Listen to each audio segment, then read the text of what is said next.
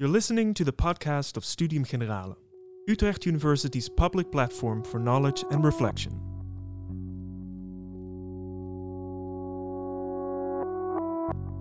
To be on or off a list can make a world of difference.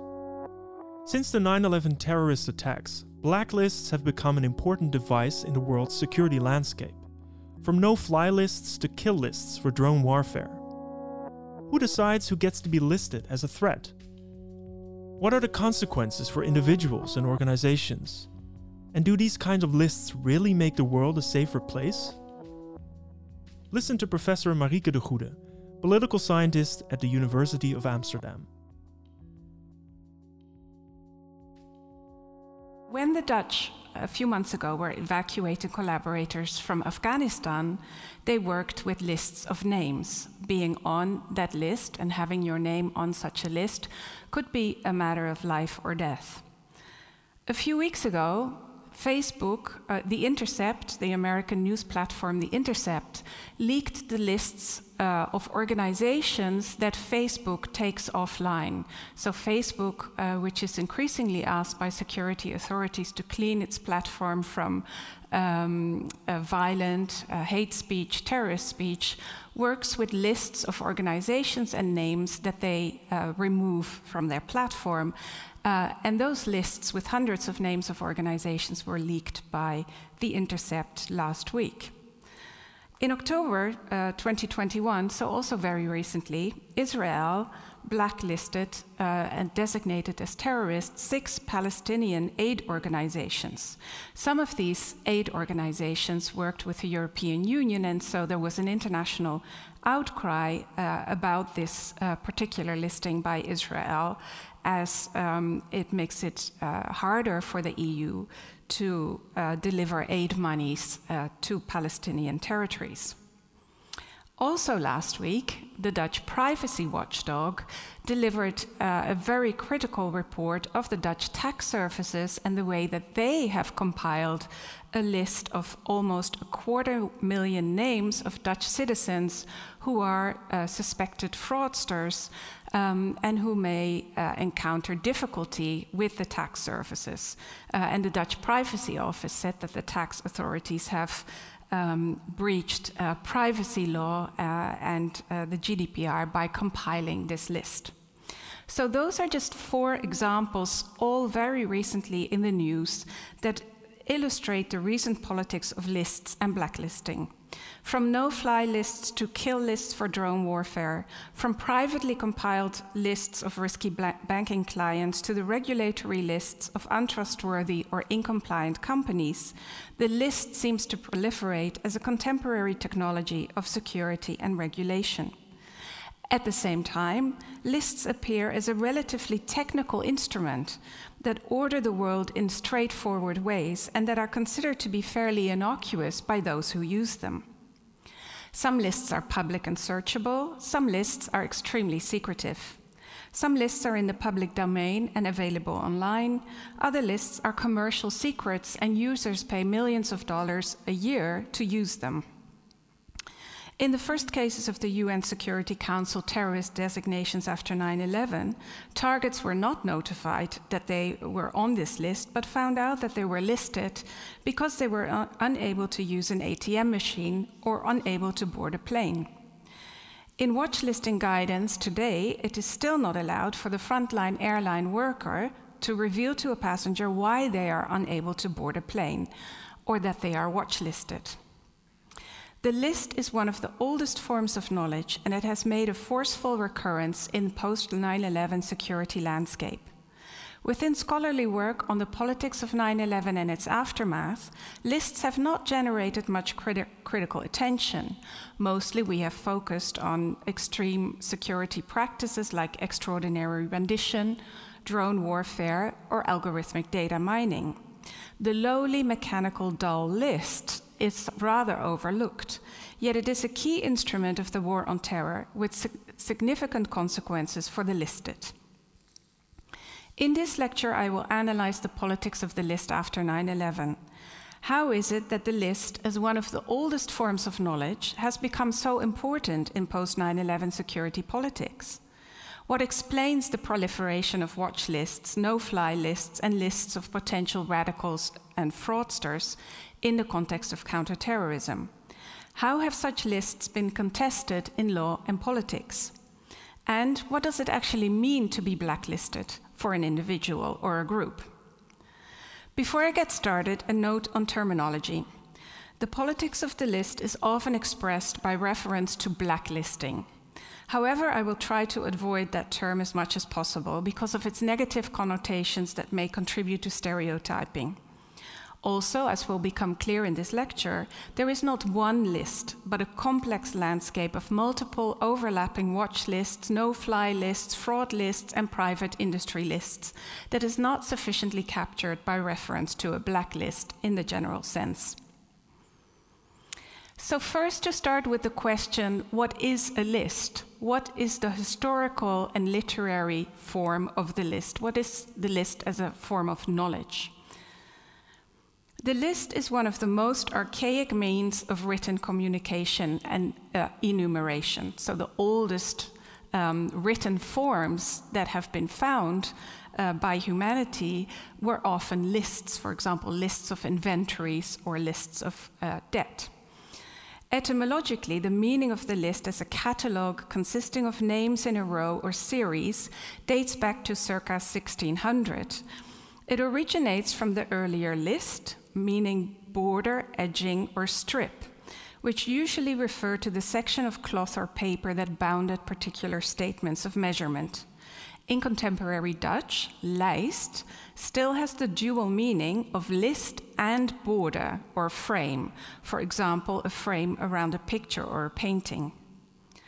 As this etymology suggests, the list performs a cut. It enacts a border around categories of seemingly similar terms. It affects a grouping and consequently entails important work of arbitration. Are you on the list or are you off the list? Do you belong in the group or the classification or not? It yeah. As Urs Staheli has put it, he draws attention to the critical work of what he calls making listable as the process that orders the continuous flow of the world into discrete listable items. It is here, Staheli writes, that a constitutive political act is performed, the formatting of certain areas of the world as list worthy. In order to interrogate the politics of the list, we can also start with Umber Umberto Eco's 2009 Louvre exhibition, The Infinity of Lists. And I, yes, I forget to click through. This is the Facebook uh, list of organizations that was leaked um, by The Intercept. Um, it's just a, a, screenshot. This is the news about uh, the Dutch tax authority uh, blacklist, which lists uh, nearly a quarter million of potential fraudsters, which was in the news recently. And here we have uh, a snippet from Umberto Eco's Louvre exhibition um, uh, called The Infinity of Lists. So here he lists very appropriately to the theme of today, he lists uh, a series of devils. Um, Yes. So for Eco, listing is a way in which humans have historically tried to make infinity comprehensible. In the exhibition catalog, ECO introduces a broad variety and infinity of lists, exploring their dual nature of recording and bordering, of being simultaneously pragmatic and poetic. And ECO really identify lists everywhere in arts and culture. And actually, as you uh, start being attentive to them and if you start uh, noticing them, you will find lists uh, everywhere around you. Eco argues that lists do not only aid in grappling with complexity and uncertainty, but also help in preserving imagination. He writes, Faced with something that is immensely large or unknown, of which we still do not know enough or, or of which we shall never know, the author proposes a list as a specimen or indication, leaving the reader to imagine the rest. Eco distinguishes different types of lists. He makes a distinction between pragmatic and poetic lists, as well as between coherent and chaotic lists. Pragmatic lists for Eco have a purely referential function. They record things that are already in existence. Coherent lists, in addition, put together entries that already have some form of kinship among them. On the other hand, poetic lists, what distinguishes them for ECO is their profound infinity, infinity and sheer incalculability. They seek to enumerate something that eludes our capacity for control and denomination. In addition, for ECO, chaotic lists are an assembly of things deliberately devoid of any apparent relation or kinship. The importance of ECO's work on lists is that it draws attention to the aesthetic and effective work of listing. The work that lists do simultaneously values and admires the infinity and innumerability of the universe and tries to capture and tame it. However, ECO's separation of different kinds of lists to some extent brackets off the politics of the list.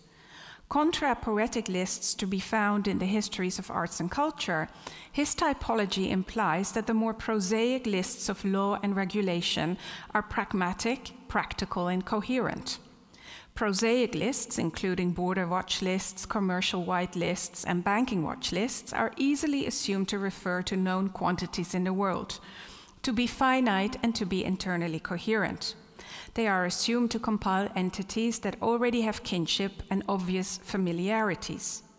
However, as I have shown in my work in collaboration with Gavin Sullivan and Anna Leander, regulatory lists like banking watch lists are also profoundly effective and seductive.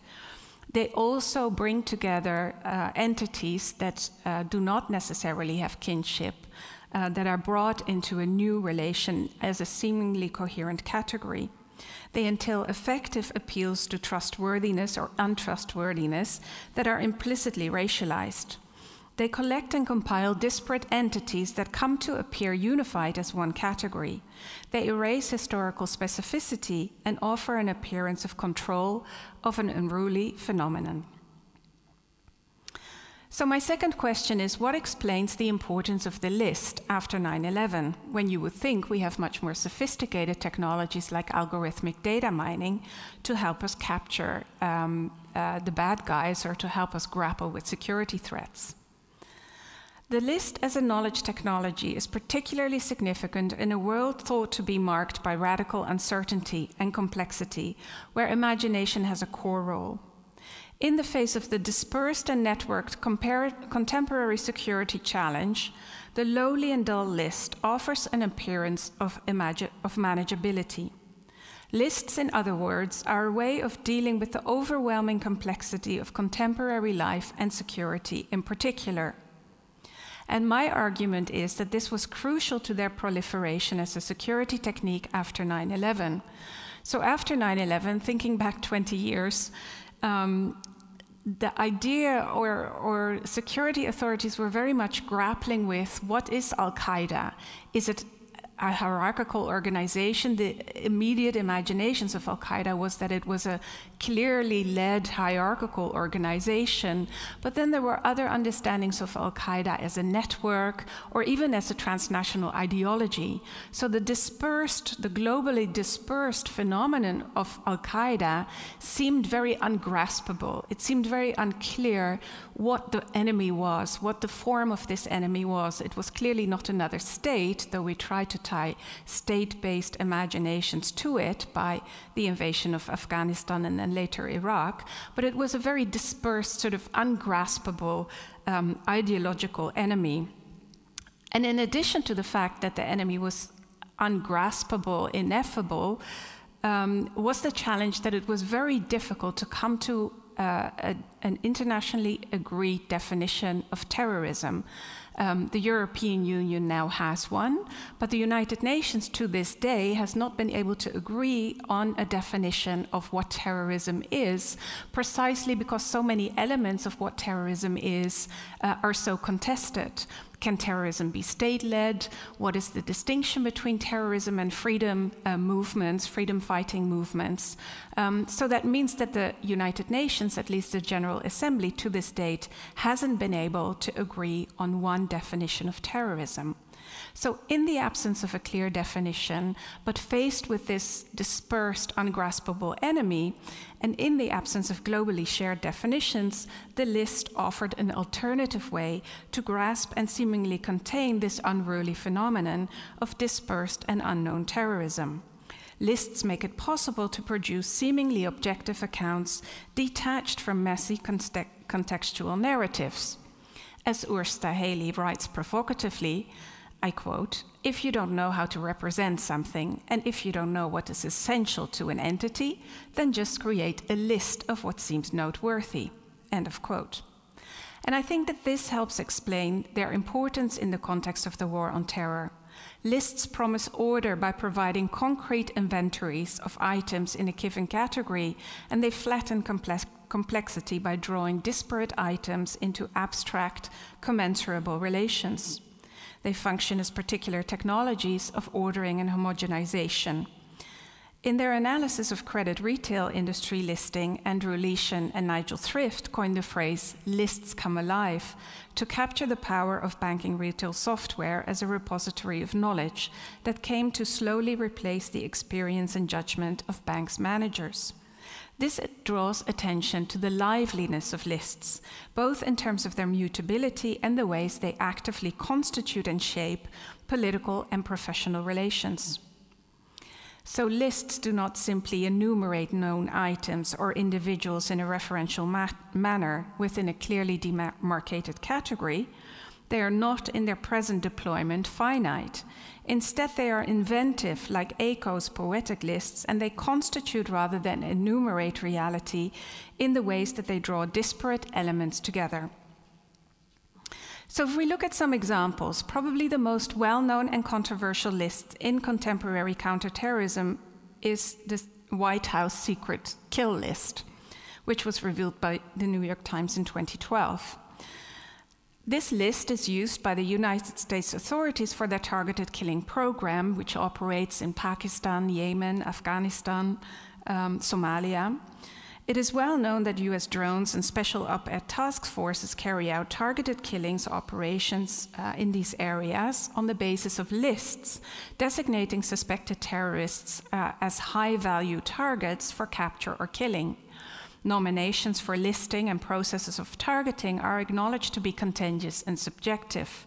According to one former chief of staff who was interviewed in the New York Times, those involved recognize that this isn't science, this is judgments made of, most of the time, human intelligence. Listing here involves a continuous process of discussion, inclusion, and replacement of names.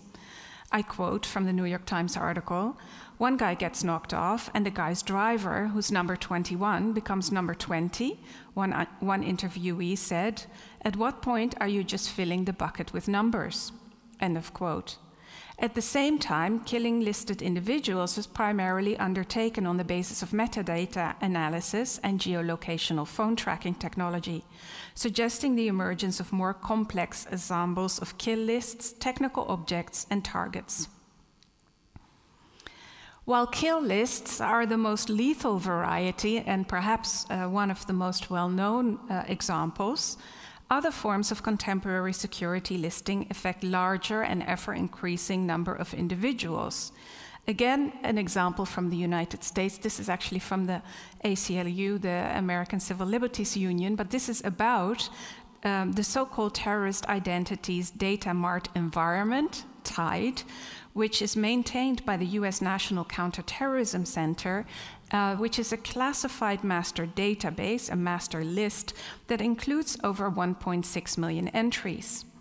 An unclassified extracted version of the TIDE is fed into US Department Homeland Security terrorist screening database, which contains nearly 1 million names related to suspected terrorism. And this database feeds into the American no fly list that is used by frontline airline officials to bar individuals from boarding planes traveling to, from, or over the United States. Cumulative uh, uh, together, these aviation lists contain over 120,000 names, and that is uh, a while ago. The numbers are old when they were released. Um, I mean, they, they, were released a while ago, uh, and they haven't been updated since. Um, Listed individuals have no formal means to find out why they are listed, and instructions to frontline staff are to neither confirm nor deny whether an individual is on a terror watch list. So, if you are uh, barred from boarding a plane, you will not necessarily be informed uh, that it is because you are on a watch list, let alone why you are on the watch list. So these are just some of the example of, examples of lists that have been compiled, mobilized, and contested in the context of the war on terror. Let me make three more general uh, points about these lists. First, as I've already argued, they are not based on pre existing clear criteria or categorizations, which, uh, which uh, um, a, a, list, you would assume that first you have criteria and then you uh, write the list. But what we are arguing is that it's actually the other way around. You start listing, and then in the process of listing, certain criteria um, are being written or invented. Precisely because they are a mix of unknown and disparate elements, criteria for inclusion emerge in practice rather than pre existing the listing process. For example, the Tide Master database, which I just mentioned, the US sort of Department of Homeland Security database, is formed on the basis of national and international intelligence information from FBI, CIA, and Interpol. Tide entries are made on the basis of so called derogatory information, but it is unclear what information might be considered derogatory by whom and how. The selection of records from TIDE to be included in no fly lists is governed by a so called standard of reasonable suspicion, which stipulates that particularized derogatory information is required for inclusion onto uh, the no fly list. So, again, this idea of particularized derogatory information is very unclear in juridical terms. Secondly, these lists connect and homogenize widely diverse entities associated with localized political violence and historically embedded, often Islamist, movements. From Egypt to Indonesia, from Palestine to Somalia, these uh, different entities and organizations are listed and homogenized into abstract relation. The list does more than compile and classify pre existing en- um, elements from an entity called Al Qaeda. The list comes alive in this way as an actant, constituting Al Qaeda itself as a more or less coherent global terrorist network to be countered. The list's technical appearance in simple forms helps obscure their creative effects and the politics of commensurability it enables. Third, and at the same time, lists do not affect everyone equally. Because they do not have criteria, they do not seem overtly racist because there are not, not in an overt way discriminatory criteria at their basis. But if you look at the groups affected, you can see that certain kind of groups are more targeted than others, especially in relation to the Al Qaeda and terrorist sanctions um, uh, list. Uh, these are often uh, focused on Islamist um, uh, movements uh, and groups. So um, the lists often have, in this sense, a, a racialized uh, effect. Then, on to my third question what it means to be blacklisted. I will analyze a few more examples of financial, um, uh, of financial watch lists and their legal contestation. But let's examine first what it means to be blacklisted. Obviously, that depends a lot on what list you are on commercial financial blacklists have very different effects than no fly lists. The UN or EU sanctions list impact in individuals differently from lists of suspected radicals or national tax fraud suspect lists. Consequences for listed individuals may range from being stopped and searched at an airport, being barred from flying, having money and assets frozen, having negative impact on credit facilities and credit scores, being surveyed by police and police uh, authorities and searched. Banks may use a variety of strategies to deal with listed persons and accounts, from intensified monitoring to restriction of available banking services, to charging higher interest rates, to submitting suspicious transactions reports, to freezing assets, that happens a lot, and closing accounts. Indeed, the unpredictability of the consequences of being listed is one of the key features of the way in which lists operate. So there is a, a certain unpredictability um, uh, if you are on the receiving end of being listed. But what, we, what unites various forms of listing, I argue, is that they amount to a kind of modern exile although seemingly a non-violent measure in relation or in comparison to some of the um, uh, other aspects of the war on terror, like extraordinary rendition, watchlisting can have substantial paralyzing effects on suspects' daily lives. People are placed outside the normal societal order and experience a loss of rights and entitlements. If in the Middle Ages communities banned their unwanted beyond the city gates, present day banning works more subtly through unseen hurdles and restrictions. In the case of UN terrorism lists, assets are frozen, but it also becomes interdicted to engage in any sort of financial transaction with affected persons, including, for example, salary payments and insurance contracts, which you really need for a basic participation in modern life. Watch listing, in this sense, banishes suspects beyond the threshold of normal societal participation. In this context, Dick Marty of the Council of Europe has spoken of what he called a civilian death penalty. There is also substantial evidence and research that listing works to demobilize political voice.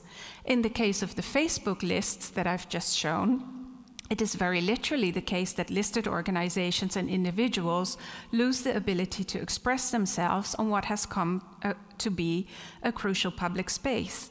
Even if that is justified and desired in some cases, the lack of criteria and transparent process means that this loss of political voice is a result of an unaccounted, unaccountable private process of security listing rather than something that can be uh, examined uh, and challenge, uh, challenged.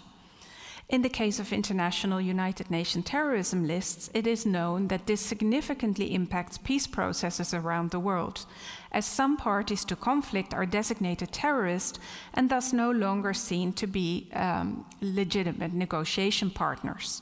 So, lists in this sense really have uh, many kinds of ramifications um, around the world in terms of demobilizing political voice.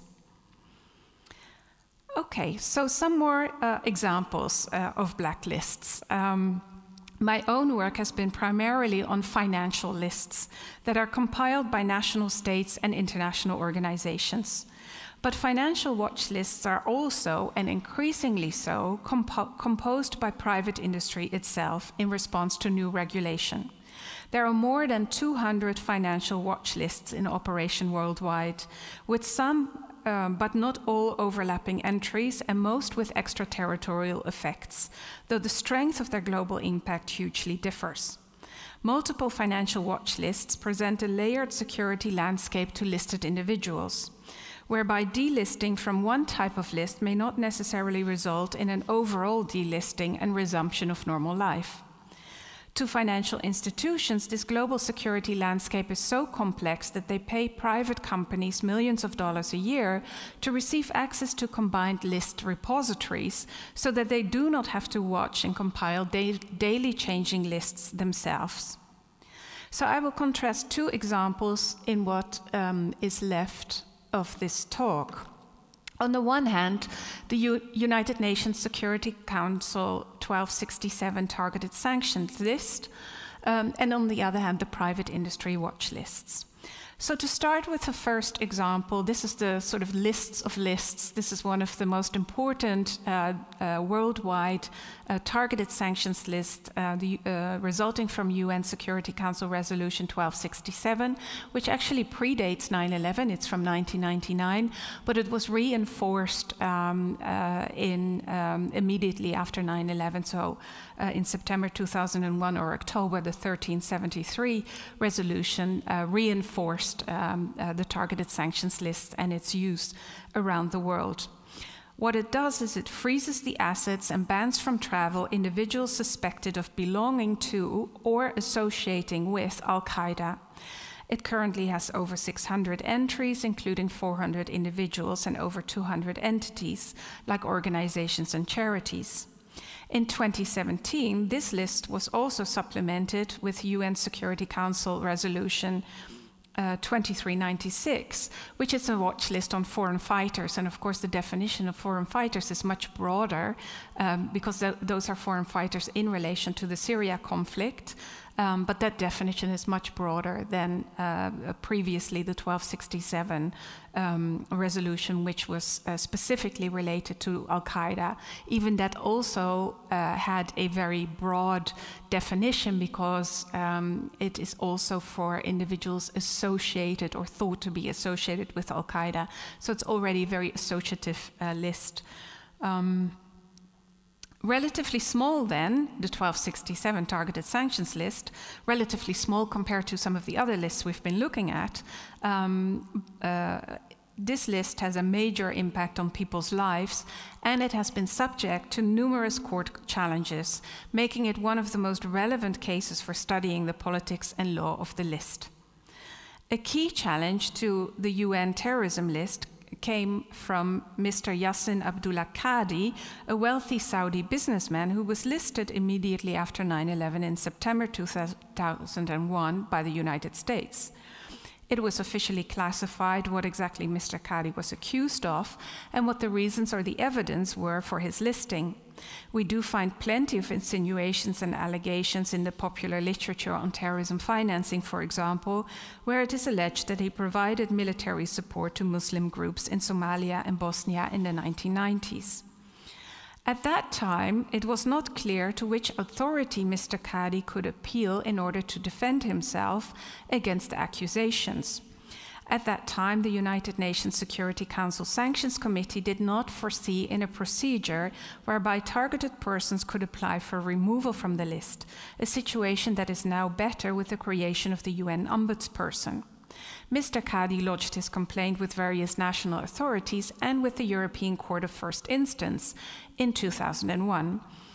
In this complaint, Qadi denies his involvement with terrorism and he appeals to the European Union to uphold the rule of law in the face of alleged breaches of his human rights, including the right to a fair hearing, the right to respect for property, and the principle of proportionality. Now, there's a lot to be said about the Qadi case, and if there's any lawyers uh, here or uh, at home, uh, they will have certainly heard about uh, the case because it became one of the uh, most important land- landmark cases in relation to terrorism watch listing, but it also became a very important landmark case in relation to the um, in relation uh, to the, the legal order of the uh, United Nations and the European Union because one of the questions at stake became whether the United Nations uh, list trumps the European U- Union legal order or whether the European Union has an independent uh, authority to scrutinize uh, the listing decisions. In 2005, Qadi's petition and case was rejected by the Court of First Instance, um, and uh, the legitimacy of the list was upheld. At that time, the court found that Qadi had been subjected to what it called mere administrative measures and not to any form of confiscation. Furthermore, it was held that the United uh, that the European Union had to implement the Security Council regulations without the authority to assess the evidence or the lawfulness of uh, the listing process. However, in the appeal hearing uh, in 2008, so also already a while ago, um, the European Court of Justice concluded that in Qadi's case, the, and I quote, the rights of the defense, in particular the right to be heard and the right to effective judicial review, were patently not respected, end of quote. The European Court then established that the right of the accused to hear the incriminating evidence against him was breached, and furthermore that the restrictions of Qadi's property rights had been significant and unjustified. Um, and so it took another three years after that judgment for Qadi to actually be um, delisted. So even though he won the case, uh, he was listed uh, for 10 years and had no access to his property and his um, financial resources all that time. And what is important to emphasize, moreover, is that these legal challenges themselves play a role in the further production and development of particularized quasi legal standards for listing, as well as their particular knowledge regimes. So, for example, the curious genre of the narrative summaries uh, of reasons for listing uh, appeared in 2009. Um, so this is something that the United Nations now does for all its list uh, entries. This, this, is just an example uh, taken uh, off the web unrelated to Qadi's case. Um, but pressed to render their procedure more transparent, but reluctant to divulge classified intelligence information, the genre of these narrative summaries was invented and rendered public for each list entry. This record generally includes a short narrative or statement of the date of listing, the groups that the individual is thought to be associated with, their alleged but usually unspecified terrorist activity, and their criminal convictions.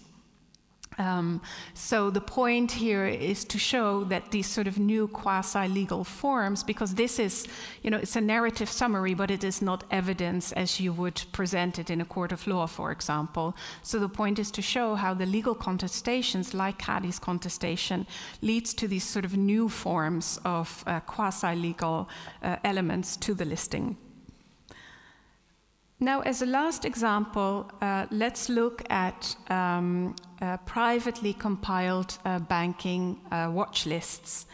Um, banks compliance so so a lot of the work of executing the consequences of listing is with private institutions like banks so banks have to freeze the assets uh, of these uh, listed persons or uh, sometimes reject them uh, as financial clients um, so a lot of the compliance is with the private industry and banks obligations do not stop at executing name checks on their client databases to ensure that they do not bank individuals or entities listed by the Security Council.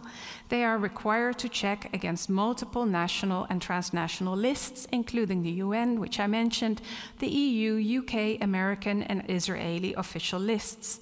Many of these lists apply extraterritorially or are enforceable by states in relation to non citizens acting outside that state's boundaries.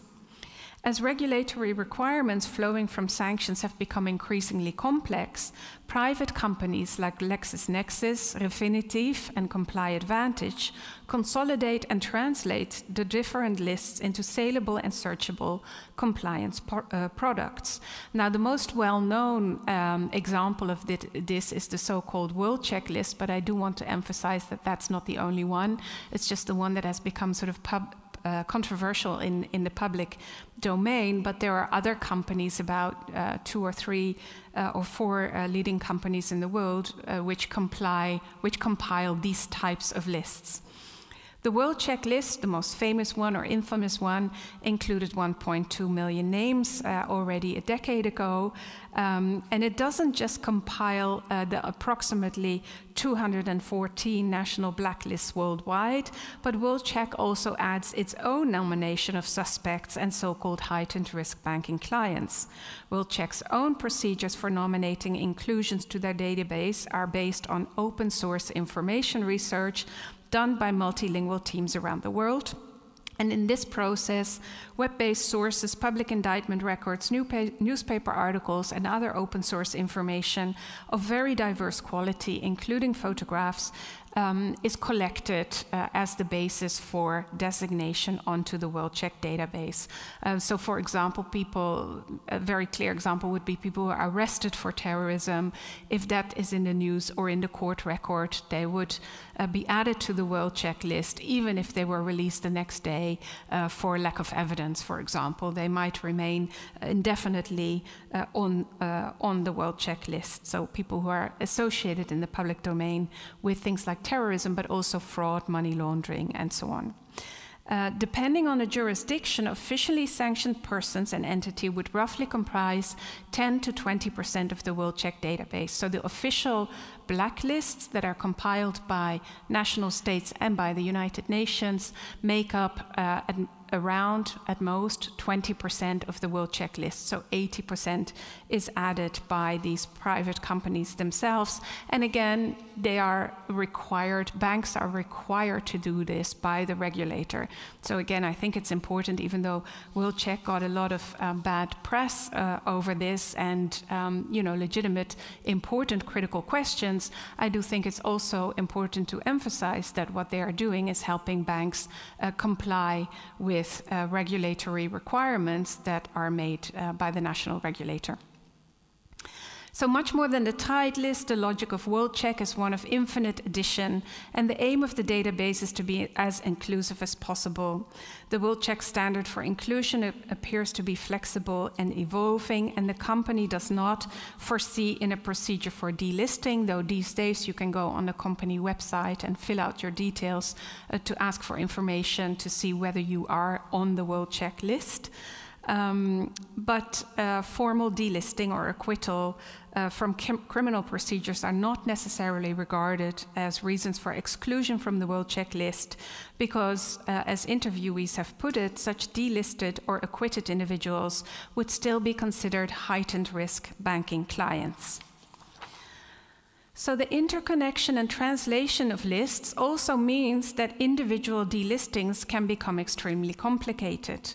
Removal from the UN targeted sanctions lists now becomes possible with the appointment of the UN ombudsperson in 2010, who has the powers to review cases and recommend delistings, and she, he, now a he, um, regularly does so. So a number of individuals and entities have been successfully delisted from uh, the UN list, and those delistings are always in the present.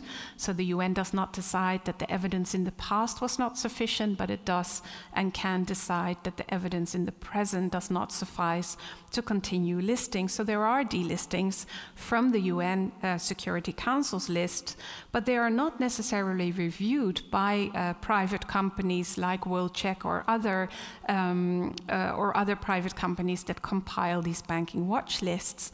Um, and they are not necessarily, uh, UN delisting is not necessarily regarded as a reason for removal from that database. A delisted individual formerly associated with terrorism would still be considered a heightened risk banking client, and as a consequence, hard won UN delistings are only partially able to restore an individual's life to normality. As long as their record remains on banking watch lists, formally listed individuals will have difficulties with opening bank accounts, doing business, transferring money, buying insurance, and acquiring loans or mortgages. So I come to the end uh, without necessarily uh, the solutions uh, forward or ways forward out of all of this, uh, but just a conclusion concerning uh, the questions that I've sketched. I've offered a perspective on security lists that foregrounds the form and practice of the list itself. And to me, this is one way of helping the political debate surrounding and questioning uh, listing practices away from the individual rights of the increasing but limited number of individuals listed around the world toward a critical examination of the new juridical orders enabled by this type um, of uh, security technology.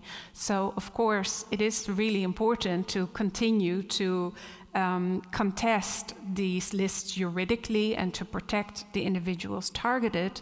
Uh, but what I think uh, that the attention to the form and shape of the list does is to help us understand how these uh, new juridical orders are um, being shaped by uh, listing practices and also to show and foreground, and here we connect back, I think, to Tessa Diphoorn's lecture, uh, the previous lecture in this series, um, because uh, foregrounding the form of the list also makes us more attentive, I think, to the role of private companies in the contemporary landscape of listing and the longevity and unpredictability of those instruments. The rights won uh, by the European Court in the Qadi case are important, but also troublesome in some ways because they work to fortify uh, watch listing as a legitimate practice of security law. We need to be more attentive to the ways in which lists intersect and interconnect, how they are moved, transcribed, and consolidated, or in important cases, disconnected. And, and we need to tease out even more the wider ethical issues and democratic implications of listing as a security practice, and the quasi regulatory effects of the no fly lists, privately compiled lists and uh, lists of uh, uh, banking watch lists, and tax tax office fraud lists. How can we think beyond the problem of false positives in order to sketch what is at stake regarding democracy, accountability, and freedom in security listing? And I'll leave it there. You've listened to the Studium Generale podcast. Do you want to hear more episodes? Go to sg.uu.nl slash podcast or subscribe to Studium Generale on your favorite platform.